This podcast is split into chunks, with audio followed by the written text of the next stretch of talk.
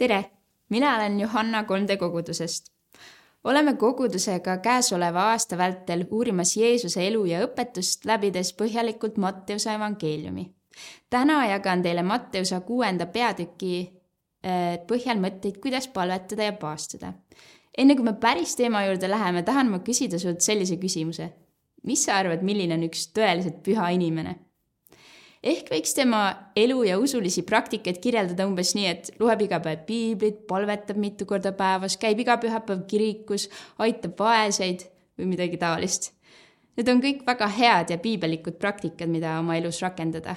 aga tegelikult ainult selle põhjal, et inimene neid täidab, ei saa öelda, kas Jumala silmis on tegemist Jumalale meelepäraselt elatud eluga või mitte vanas testamendis on öeldud, et inimene näeb, mis on silma ees, aga issand näeb, mis on südames. tulles siit tänase teema juurde. Matteuse kuues peatükk räägib sellest, kuidas teha mitte lihtsalt õigeid asju, vaid kuidas teha õigeid asju õigel viisil. leiame sealt Jeesuse õpetuse usulise kombe täitmise kohta. esimesest salmist loeme. hoiduge aga, et oma vagasid tegusid ei tee inimeste ees, et nemad teid vaataksid muidu ei ole teil palka oma isalt, kes on taevas. kõigepealt, mis on need vagad teod, millest Jeesus räägib? Jeesus läheb äh, oma jutuga edasi, tuues kolm väga konkreetset näidet, milleks on almuste andmine, palvetamine ja paastumine, millal me täna ka põhjalikult peatume. Need kolm olid ja on kõige väljapäis-, väljapaistvamad isikliku vagaduse nõuded judaismi põhivoolus konteksti mõttes tuleb siin arvestada, et Jeesus kõneles juutidele, kes oli väga religioosne rahvas. kui Jeesus neile rääkis, siis tal polnud tarvis rääkida sellest, kas neid asju peaks tegema, kuna juudid nagunii neid praktiseerisid. aga Jeesus pidas oluliseks rääkida, kuidas neid peaks tegema küsimus on siin inimese motivatsioonis, kas me teeme neid häid ja õigeid asju Jumalale või selleks, et inimeste silmis paistaksime head, kogeksime teiste lugupidamist ja imetlust. Jeesus õpetab meid otsima ja taotlema esmalt Jumala riiki ja tema õigust ja taotlema au temale, mitte endale kui sa täna veel isiklikult Jumalat ei tunne, võib sul tekkida küsimus, miks ma peaks üldse huvituma, miks mind peaks huvitama see Jumala riigi ja tema õiguse teema või miks ma peaks tahtma oma elus teha asju Jumalale, mulle piisab täiesti endale elamisest. okei okay,, võib-olla seda viimast mõtet me päris nii otse sõnastada ei taha ja mõni inimene elab ka hoopis oma pere või mingi ideoloogia nimel. karm reaalsus on aga see, et kui me oma elus oleme midagi või kedagi seadnud kohale, kus peaks olema meie looja Jumal, siis me ehitame oma elu kaduvale alusele. Jumal kui kõige looja, ainus, kes on täiuslikult hea, kelle olemus on täiuslikult puhas armastus, kes on täielikult püha, kelle päralt on kogu maailma tarkus ja rohkem, rohkem veel. lõpuks on üksi tema see, kes peaks olema väärt meie ülistust. ja teda ülistada me saame kõigega, mida me teeme ja kes me oleme mõnikord võib aga juhtuda, et me küll usume Jumalat ja seda, et oma tegudega ja eluga võiks teda ülistada, aga igapäevaelu reaalsuses tuleb ikkagi esile meie patune loomus, mis tahab ise, iseendale au saada. ma ise tunnen, et suuresti see ongi nagu pidev võitlus enda sees. igal päeval anda ennast taas üle Jumalale, et ta võiks puhastada mu mõtted ja motiivid, et ma ei elaks iseendale, vaid teisi teenides ja Jumalat sellega austades loeme nüüd Matteuse kuuendast peatükist edasi, mida Jeesus räägib almuste jagamise või laiemalt ka heade tegude tegemise kohta. kui sa nüüd almuseid jagad, siis ära lase enese eest pasunat puhuda, nii nagu silmakirjatsejad teevad sünagoogides ja tänavatel, et inimesed neid ülistaksid.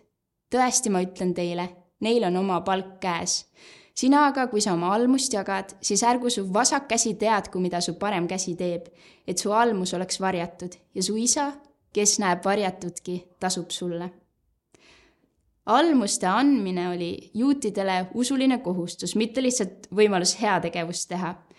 esimesel sajandil oli selline almuste jagamisel põhinev vaeste eest hoolitsemine tegelikult muljetavaldavalt hästi organiseeritud ühiskond ei olnud siis nii arenenud, et eksisteeriks taolist sotsiaalsüsteemi, millega me täna heaoluühiskonna liikmetena harjunud oleme. kuid Vana-testamendi seadused tagasid selle, et vaeste eest siiski hoolitseti. paljud kasutasid kahjuks almuste jagamist ära selleks, et teistele näidata, kui tublid ja pühad nad on.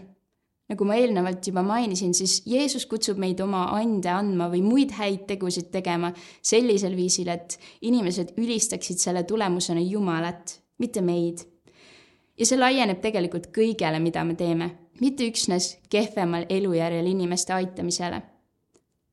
kujutle, et sinu kodukohas plaanitakse avada naiste ja laste varjupaik.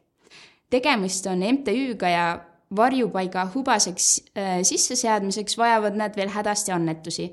sul on parasjagu vaba raha üle ja hea meelega toetad sellist valdkonda. MTÜ plaanib varjupaiga avamise ajaks avada nii-öelda tänutahvli, kus on välja toodud inimeste nimed, kes oma annetustega on panustanud. mõte sellest, et sinu nimi võiks olla seal äh, tahvlil kirjas, tundub päris meeldiv.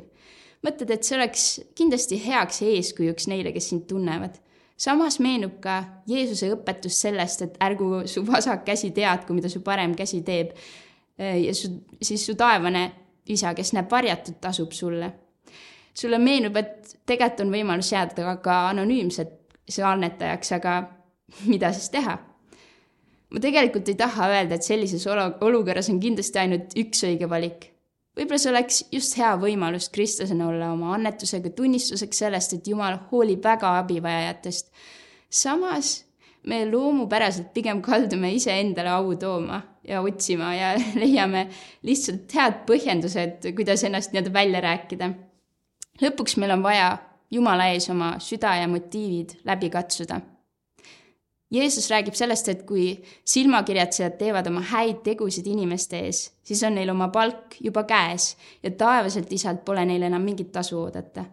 siin tekib küsimus, et kas äh, siis, kui keegi näeb meid tegemas head, me automaatselt kaotame oma taevase tasu? pigem mitte.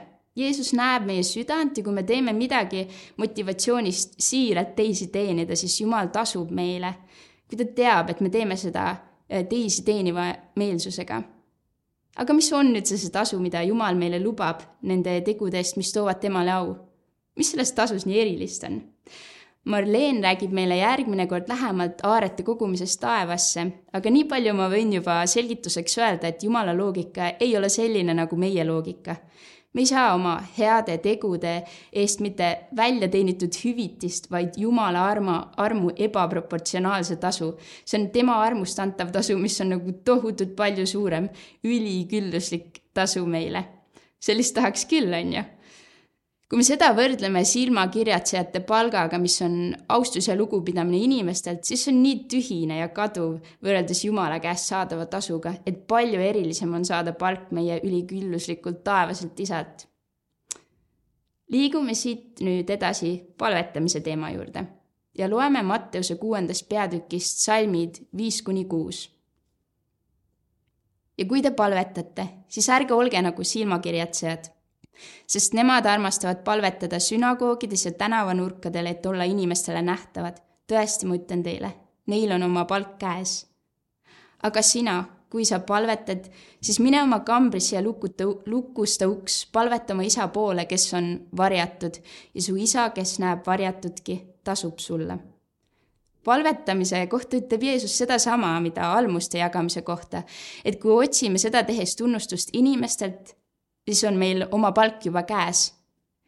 juudid äh, tavaliselt tänavanurkadel palvetamist ei harrastanud, aga kuna neil olid kindlad ajad, mil nad palvetasid, siis võis mõni inimene teadlikult ajastada oma liikumist nii, et sattus palve ajal olema kõige avalikumas paigas Jeesus aga õpetab meid minema teiste eest varjatud kohta, kus saame suhelda oma taevase isaga, kelle ees meil pole mõtet mingeid maske kanda, sest ta nagunii tunneb meid läbinisti Jeesus ei ütle siinkohal, et ühine palve oleks vale, vaid ta lihtsalt rõhutab üksinda võetud palveaja olulisust. avalikud palved on igati asjakohased, kui nad on tehtud õigetel motiividel. minu enda usuelus on olnud nii, et kõige erilisemad vaimulikud kogemused, selguse hetked ja Jumala armastuse puudutused on leidnud aset just Jumalaga kahekesi veedetud palvehetkedes. sageli toon Jumala het-, ette kõik oma segased mõtted ja tunded, kogunenud emotsioonid, vastuseta küsimused ja läbikukkumised. Jumal ei põlga seda ära, sest see on ehe ja aus.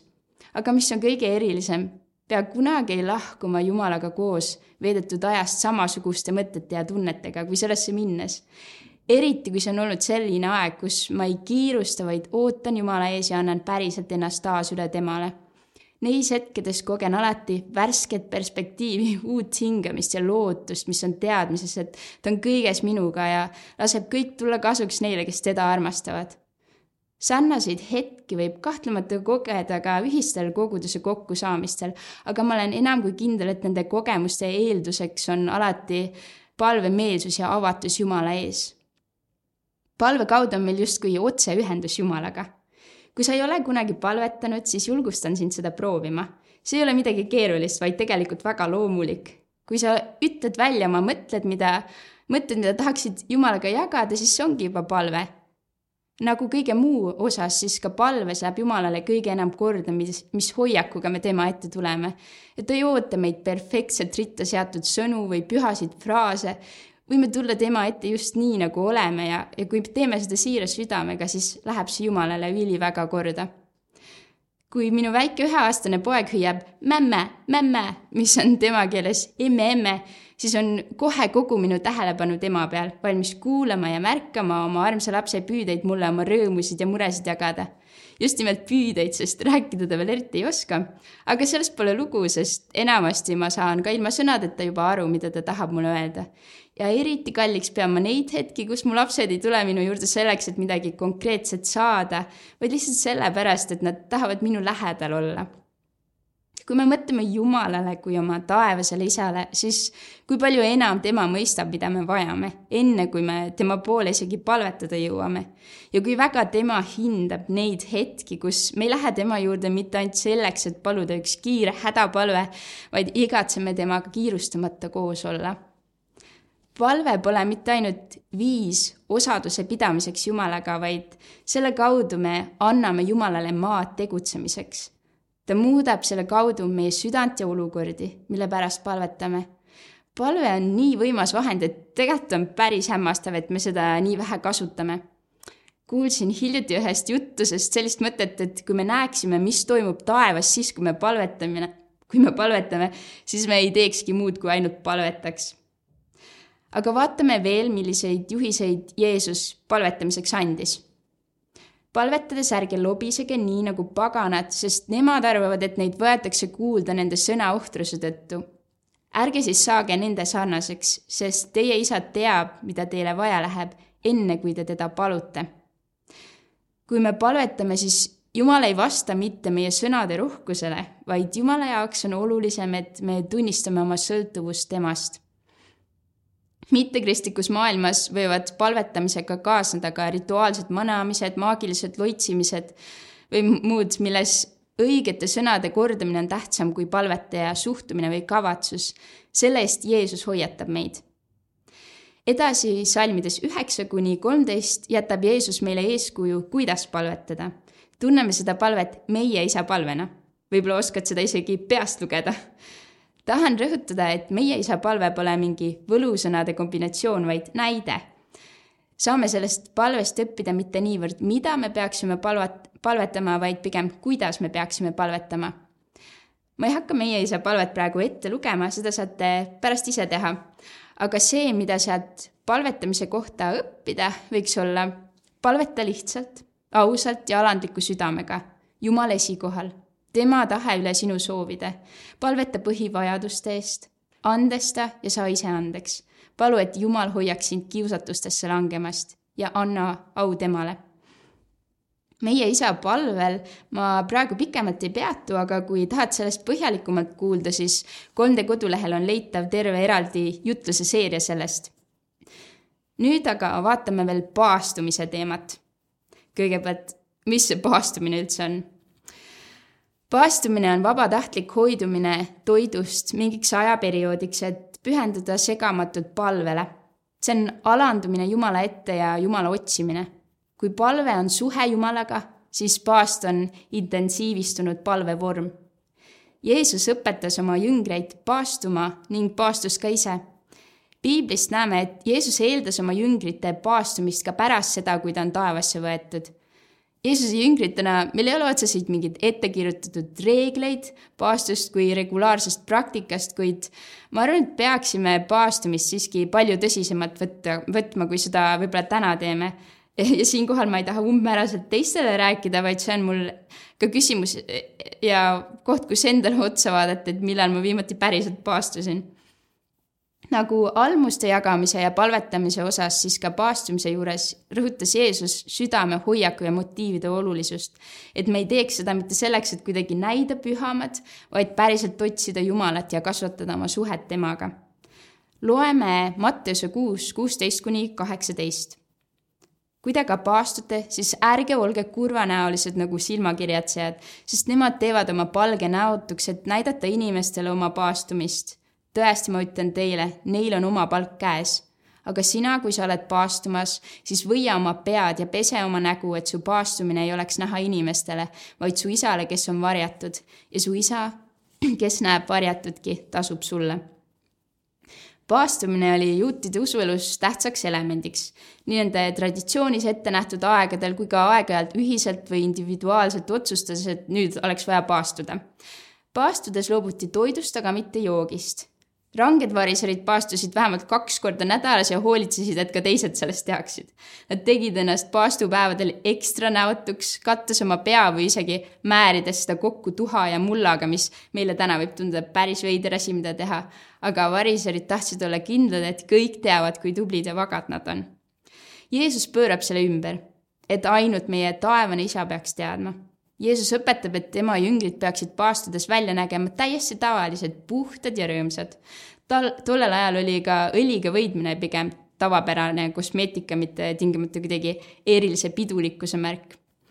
Jeesus rääkis paastust, mille ajaks loobuti toidust, aga tänapäeval võib igati asjakohane olla paastuda ka hoopis pidevast infomürast, mis meie vaimulikku tundlikkust tihtipeale nüristab ja fookuse hoidmist segab kogudisega visiooni otsimise protsessis olles võtsime näiteks ühiselt perioodi, et paastuda osaliselt sotsiaalmeediast. Ja miks mitte paastuda mõneks ajaks seriaalide vaatamisest või uudistest äh, või millest iganes, millest loobudes saaksime vabanenud aega ja tähelepanu Jumalaga osaduse otsimiseks kasutada.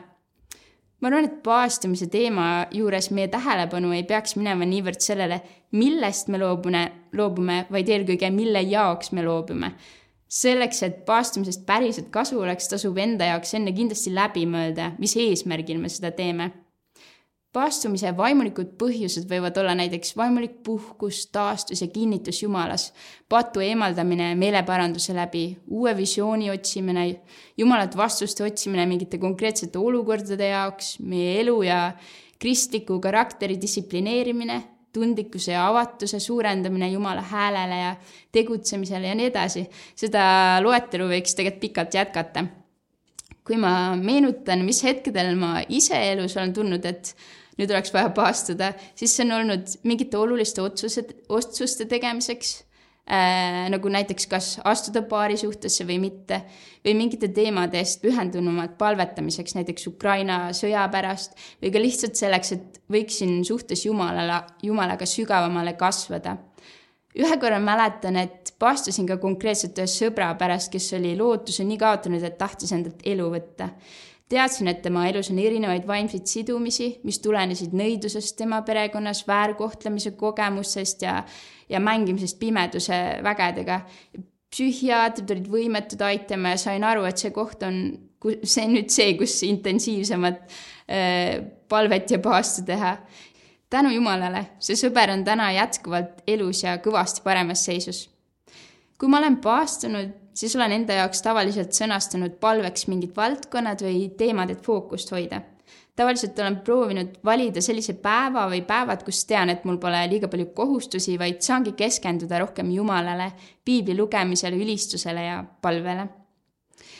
minu enda jaoks on paastumine pigem olnud raske sest äh, paastumise ajal hakkab inimese organism ka erinevatest mürkidest vabanema ja see võib tuua kaasa päris ebameeldiva enesetunde, nagu minu puhul näiteks peavalu.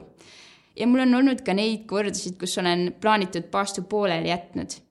teisest küljest olen palju kogenud seda, kuidas paastumine tõesti viib Jumalale lähemale ja kasvatab parimas mõttes sõltumist temast. Kui tahaksid rohkem teada ka paastumise praktilisest poolest, siis soovitan sul guugeldada Elle Kalamägi artiklit Paastumine meditsiinilise ja praktilise poole pealt vaadatuna Elle on ise meditsiiniline toitumisspetsialist ja samas ka pühendunud kristlane, nii et tal on nii vaimuliku kui füüsilise poole pealt väga tarku nõuandeid. Kui tänane teema lühidalt kokku võtta, siis oleme rääkinud, mida Jeesus õpetas vagade tegude tegemise kohta. kuidas me peaksime asju tegema Jumalale ja mitte inimeste poolset tunnustust taga ajama tahan veel lõpetuseks lisada, et Jeesus üksnes ei õpetanud meile nende teemade kohta, vaid elas ise täiuslikku eeskuju sellest. ta oli helde, ta palvetas, ta paastus, ta armastas nii väga inimesi, et oli valmis kannatama ja ristil surema meie igaühe pattude eest. piiblist Pauluse kirjast, kirjast roomlastele leiame imelise julgustuse kes võib meid hukka mõista? Kristus Jeesus on, kes suri ja mis veel enam, kes üles äratati, kes on Jumala paremal käel ja kes palub meie eest. kui imeline on see, et ka täna Jeesus ise palub meie eest ja kui sul täna ei ole veel isiklikku suhet Jeesusega, aga igatseksid seda, siis julgustan sind alustama lihtsast palvest. Jumal kuuleb iga siiralt palutud palvet. nüüd aga soovin teile sisukat aruteluaega ükskõik kas kogukonnaga küsimuste üle arutades või üksinda mõtiskledes